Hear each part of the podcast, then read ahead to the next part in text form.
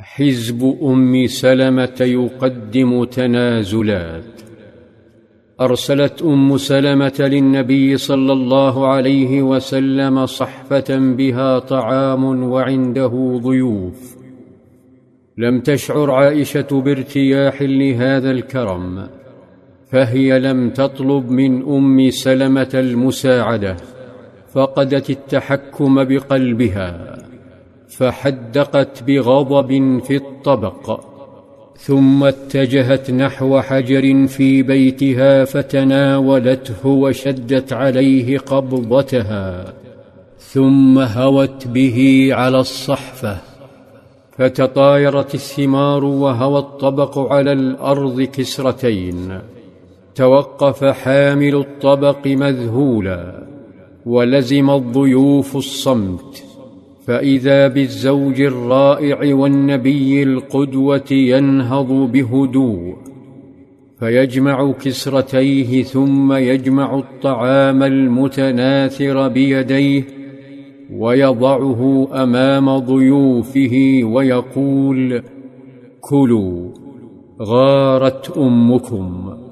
ثم يقوم نحو طبق لعائشة فيأخذه ويملأه بطعامها ثم يسلمه لرسول أم سلمة كالاعتذار وهو يقول طعام بطعام وإناء بإناء.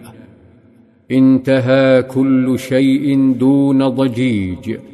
فبيته صلى الله عليه وسلم كبقية البيوت. تحدث فيه الخصومات وتحتدم فيه الغيرة لكن رغم ذلك ورغم تعدد زوجاته لم تجد إحداهن فيه عيبا يخدش مروءته أو أنانية أو حيفا يقدح بنبوته أو حتى رائحة تنفر منه. كان صلى الله عليه وسلم سمحا لا يبالغ في الحديث عن حقوقه.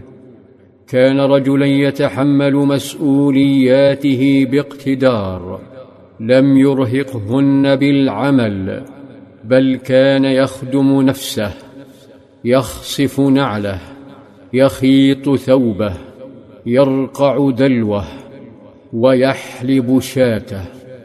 رغم أنه قائد دولة ومسؤول عن أمة.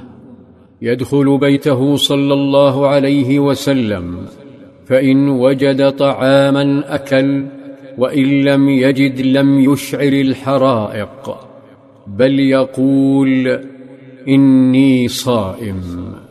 فمن يلومهن في حب هذا الزوج الذي يمنح الأنوثة وهجها بل لا تلام الغيرة إن اشتعلت بين أفراد الحزب الواحد. ذات مساء ساحت العيس في سفر من أسفاره صلى الله عليه وسلم وعندما انتثرت نجوم الليل طاب حديث السفر.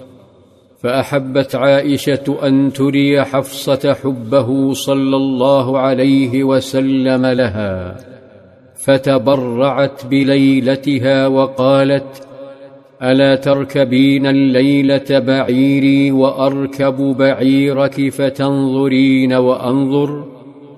لم تتردد حفصة بالقبول. فأقبل صلى الله عليه وسلم فسلم ففوجئ بحفصة ترد فسار معها يحدثها وتحدثه. افتقدت عائشة مسامره حبيبها فظلت تلوم نفسها طوال الطريق. وحين توقفت القافلة انحدرت في حالة نفسية يرثى لها.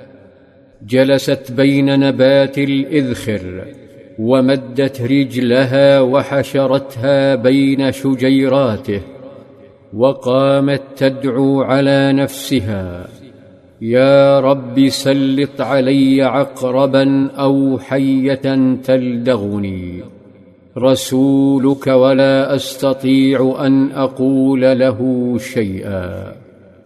كان حبه صلى الله عليه وسلم يذهلها يأكل معها ويشرب. فكيف كان حبه صلى الله عليه وسلم لها؟